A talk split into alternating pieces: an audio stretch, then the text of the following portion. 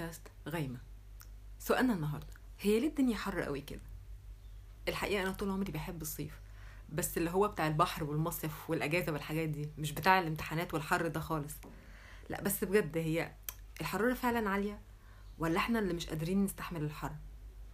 ولا حقيقي حصل تغير في المناخ؟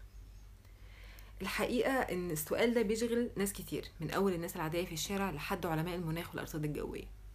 تغير المناخ هو علم كبير ومليان تفاصيل وأكيد أنا ما عنديش كل الأجوبة بس الأكيد إن إحنا النهاردة هنتعلم مع بعض كتير عن المناخ.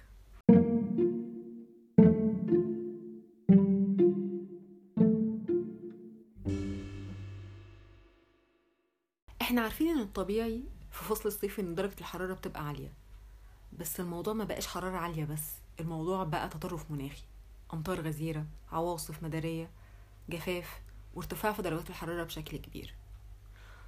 هل ده غريب على كوكب الأرض إن يحصل فيه تغير في المناخ؟ الحقيقة لأ. هو على مر السنين الملايين اللي فاتت كان في تغيرات بتحصل في المناخ.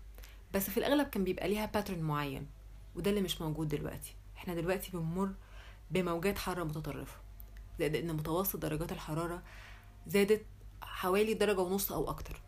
ممكن حد يفكر ويقول درجة ونص ده رقم قليل جدا بس الحقيقة لأ. درجة ونص بيأثر بشكل كبير على كوكب الأرض تضاريسه والكائنات الحية اللي موجودة فيه. لو سألنا أي حد يا ترى إيه هو سبب ارتفاع درجات الحرارة بشكل متطرف كده أول الإجابة هتيجي في مخنا هي إن الإنسان هو السبب في ده وده حقيقي. ارتفاع درجات الحرارة مرتبط بزيادة نسبة ثاني أكسيد الكربون في الجو واللي بيجي من الأنشطة البشرية سواء كان صناعات مصانع آه، مخلفات بتطلع آه، حاجات بتتحرق وده بيمثل خمسين في المية والغريب في المية التانيين من الأنشطة البشرية اليومية العادية سواء كان استخدام مواصلات أو تشغيل تكييف مثلا. قبل ما نتكلم عن الموضوع ده إحنا محتاجين نعرف هو يعني إيه احتباس حراري أساسا؟ الاحتباس الحراري هو زيادة متوسط درجات الحرارة في مكان معين ودي الحاجة اللي إحنا بنعاني منها من بعد بداية الثورة الصناعية من القرن ال 18 أو ال 19 لحد النهاردة. طب هو إيه علاقة الصناعة بالاحتباس الحراري يعني؟ إيه العلاقة؟ الصناعة محتاجة طاقة والطاقة محتاجة وقود. والوقود اللي إحنا بنستخدمه وفي أغلب الدول لحد النهاردة هو الوقود الحفري فحم بترول غاز طبيعي. الوقود الحفري ده عشان أطلع منه طاقة محتاجة إن أنا أحرقه ولما بحرقه بطلع منه غازات سامة للغلاف الجوي منها ثاني أكسيد الكربون الميثان ونيتروجين اوكسيد أو اكسيد النيتروجين وبخار مية. الحاجات دي مش هي مش سامة قوي. يعني هي زيادة منها هو اللي سام لأن وجودها أساسا طبيعي في الغلاف الجوي. وبيعمل لنا حاجة مهمة جدا اسمها ال green house effect حد يعرف ال green house effect ده عبارة عن إيه؟ ال green house هي فكرة بتاعت الصوبة الزراعية. الصوبة الزراعية هي عبارة عن مبنى من إزاز. بيسمح بدخول أشعة الشمس وحرارتها وبيمنع خروجها مرة تانية وبالتالي بيحافظ على درجة الحرارة في المكان مناسبة للنباتات إنها تكبر وتنمو براحتها من غير ما تتأثر بالبرودة أو بالشتاء. نفس الفكرة بتحصل في كوكب الأرض بس هو إحنا أكيد مش محاوطين كوكب الأرض بإزاز إحنا محاوطينه بالغلاف الجوي. الغلاف الجوي بيبقى فيه كميات معينة من غاز ثاني أكسيد الكربون أكسيد النيتروجين الميثان وبخار المية اللي بتحافظ على درجة حرارة الأرض. اللي هو إزاي بالظبط. بالنهار الشمس بتدخل حرارة لكوكب الأرض والأرض بتتدفى. وقت الليل بتبقى الأرض عايز تتخلص من الحرارة دي. الغلاف الجوي بيمنع الأرض إنها تعمل كده. بيسمح بشوية حرارة يطلعوا بس بيحافظ على شوية حرارة موجودين علشان الأرض ما تتجمدش. وهو ده اسمه ال green house effect المشكلة في إن حرق الوقود الحفري بيطلع الغازات دي بنسبة كبيرة. وجود الغازات دي بنسبة كبيرة معناها حبس أكبر للحرارة في كوكب الأرض وبالتالي زيادة متوسط درجات الحرارة اللي بنسميه احتباس حراري. الحقيقة كمان إن إحنا مش بس بنعمل المشكلة دي إحنا بنعمل مشكلة أكبر. الشخص الوحيد اللي كان بيحاول يساعدنا هو الأشجار والنباتات اللي كان بتاخد جزء من ثاني أكسيد الكربون ده. إحنا بنقول لها لا سوري بقى انت مهمتك خلصت لحد كده. بنقطعها ونشيلها ونبني مكانها ونحط أسفلت ونبني عمارات وأبراج ونستمتع بالحر زيادة. الحر ده اللي بيخلي تضاريس الأرض كلها تتغير. من أول الأنهار الجليدية والجبال الجليدية اللي بتدوب بنسبة أسرع حوالي 65% عن المعدل الطبيعي بتاعها وده اللي بيزود منسوب مية البحر وبالتالي بياكل في السواحل وبيغير شكل السواحل والمدن الساحلية.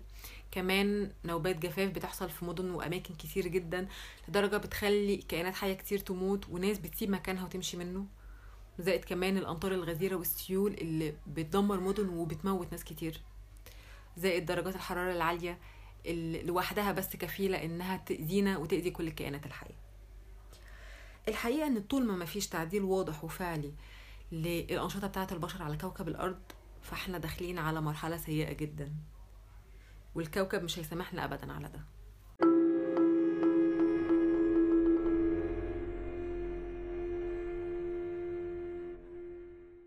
ممكن حد فينا يفكر بيقول بصوا هو أنا ما عنديش حل لمشكلة كوكب الأرض يعني ربنا معاه بس أنا عندي حل لمشكلتنا إحنا. إحنا حرانين. خلاص نشغل التكييف. وكل ما درجة حرارة الأرض تعلى إحنا نشغل التكييف. وكل ما تعلى إحنا نعلي التكييف. ونشوف بقى مين اللي هيستحمل لحد الآخر. الحقيقة إن كوكب الأرض مش هيسامحنا ولا هيسمح لنا نعمل حركة زي دي على الرغم من مميزات التكييف الكتير. بس قبل ما نتكلم على التكييف بشكله الحالي وإزاي الأرض مش هتسيبنا نعمل ده خلينا نسأل نفسنا هو الناس زمان كانوا بيعملوا إيه في الحرب؟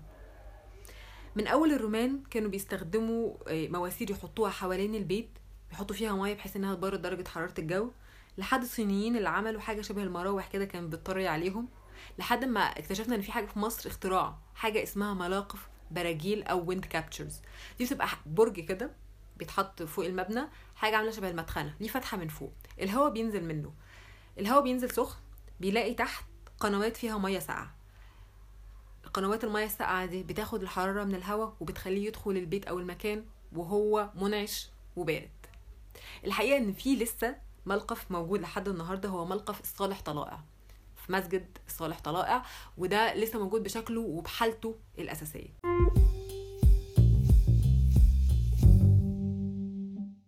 واستمرت المحاولات على مر السنين علشان نلاقي طريقة نبرد بيها الجو. فكانت البيوت بتتبني من مواد ما بتمتصش درجة الحرارة بشكل كبير أو بتصميمات بتساعد على التهوية مع طبعا وجود الشبابيك وطرق التهوية المختلفة. لحد سنة 1902 في إحدى الشركات اللي كان ليها مطبعة المطبعة دي كان فيها مشكلة كبيرة جدا. هو إن درجة الحرارة فيها كانت عالية قوي ودرجة الرطوبة كمان. وده خلى إن طباعة الحبر على الورق يبقى صعب جدا. الحبر ما كانش بيثبت على الورقة. فكان في مهندس موجود في المطبعة دي هو ويليس كارير. كارير قدر إن هو يصمم جهاز يقلل بيه درجة حرارة المكان وهو ده الأساس بتاع التكييف اللي إحنا بنشتغل عليه لحد النهاردة. أو بمعنى أصح ويليس كارير عمل أول تكييف بشكله الحديث في العالم. Oh, thank you. طب هو التكييف بيشتغل إزاي بالظبط؟ لو إحنا عايزين نبرد أوضة معينة هنعمل إيه؟ هنجيب حد ياخد الحرارة يطلعها بره الأوضة. هي دي فكرة التكييف بالظبط. التكييف بياخد الهواء من الأوضة بيمتص منه درجة الحرارة العالية مرة ورا مرة مرة ورا مرة لحد ما تقل درجة حرارة الأوضة تثبت نحافظ على نقاء الهواء ونقلل كمان درجة الرطوبة. يعني full option من الآخر. طيب هو إزاي بقى السحر ده بيحصل؟ التكييف بيتكون من مجموعة من الأنابيب اللي بتتقسم لجزئين. جزء منها بيبقى جوه الأوضة بسميها ال evaporator أو المبخر وده درجة حرارته بتبقى أقل من درجة حرارة الأوضة. وبره الأوضة بيبقى فيه جزء تاني اسمه ال condenser أو المكثف وده درجة حرارته بتبقى أعلى من الأوضة طبعا. بيمشي جوه الأنابيب دي مادة اسمها الفريون ودي بعتبرها ال refrigerant أو المادة المبرده الفريون اولا بيكون في حالة سائلة بيمشي جوه ال evaporator بيعدي عليه الهواء السخن من الأوضة. الفريون بيمتص الحرارة وبيتحول من الحالة السائلة للحالة الغازية. وهو محمل بالحرارة دي بيمشي جوه الأنابيب لحد ما يوصل لل condenser اللي بيمتص منه الحرارة ويطردها بره البيت وبعد كده يرجع الفريون تاني لحالته السائله بعد ما يفقد الحرارة. ويرجع يمتص الحرارة من الأوضة تاني عن طريق ال evaporator وبعد كده يرجع لل condenser وهكذا وهكذا مرة ورا مرة لحد ما درجة حرارة الأوضة بتقل وتثبت. وده اللي بيسموها ال vapor compression سايكل وهي دي أساس عمل أي تكييف دلوقتي. الحقيقة إن التكييف اختراع عظيم جدا وساعد في تطوير كتير من الحاجات للبشر خصوصا في العمارة والبنى. بقينا نقدر إن إحنا نبني حاجات تحت الأرض أو في الدور ال 150 من غير ما نخاف من جودة الهواء أو حتى من درجة الحرارة الموجودة في المكان. كمان ناس قدروا إن هم يعيشوا في مناطق يعني درجة الحرارة فيها فظيعة ومحدش يقدر يتحملها زي دول الخليج. كمان المصانع اللي بيبقى فيها يعني آلات بتطلع حرارة عالية جدا. ما كانش أي بشري يقدر يقف جنبها. قدر إن هو يعمل كده عن طريق وجود التكييف. من الحاجات المهمة جدا كمان المستشفيات غرف العناية المركزة والحاجات اللي إحنا محتاجين فيها درجة حرارة قليلة أو لطيفة وكمان محتاجين نحافظ على الأدوية والمواد الكيميائية في درجة حرارة يعني بتحميها من إنها تبوظ أو إنها تشتعل. وأكتر من كده كمان التكييف قدر إن هو يعمله. بس للأسف مفيش حلاوة من غير نار. التكييف زي ما ليه مميزات كتير جدا وعمل حاجات مهمة جدا للبشرية بس بيأذينا.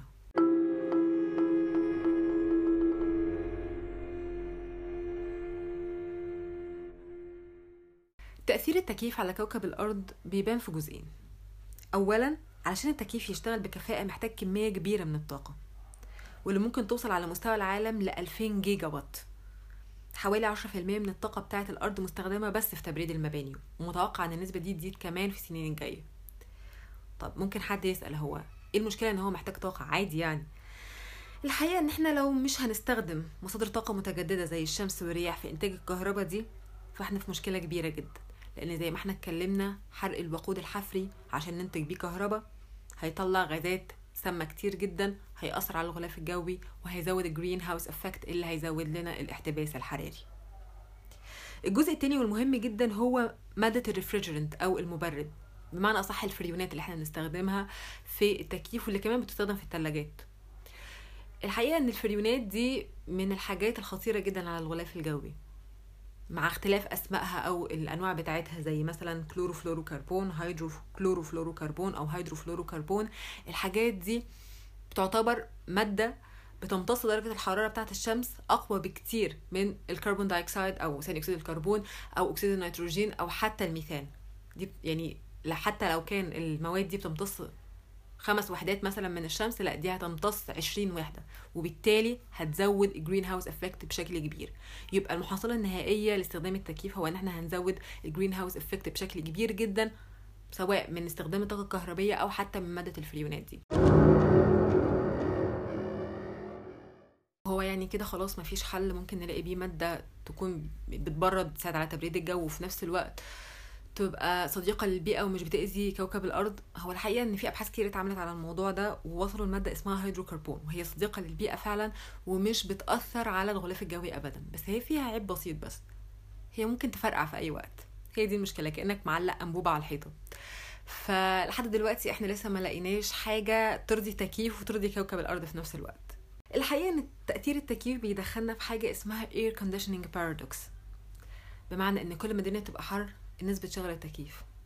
فالتكييف هيزود درجة حرارة الأرض. فالدنيا تبقى حر أكتر فالناس هتشغل التكييف أكتر.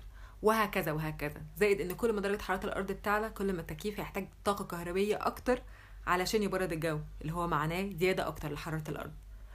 وبكده بتفضل الدايرة دي شغالة شغالة ومستنية حد يكسرها.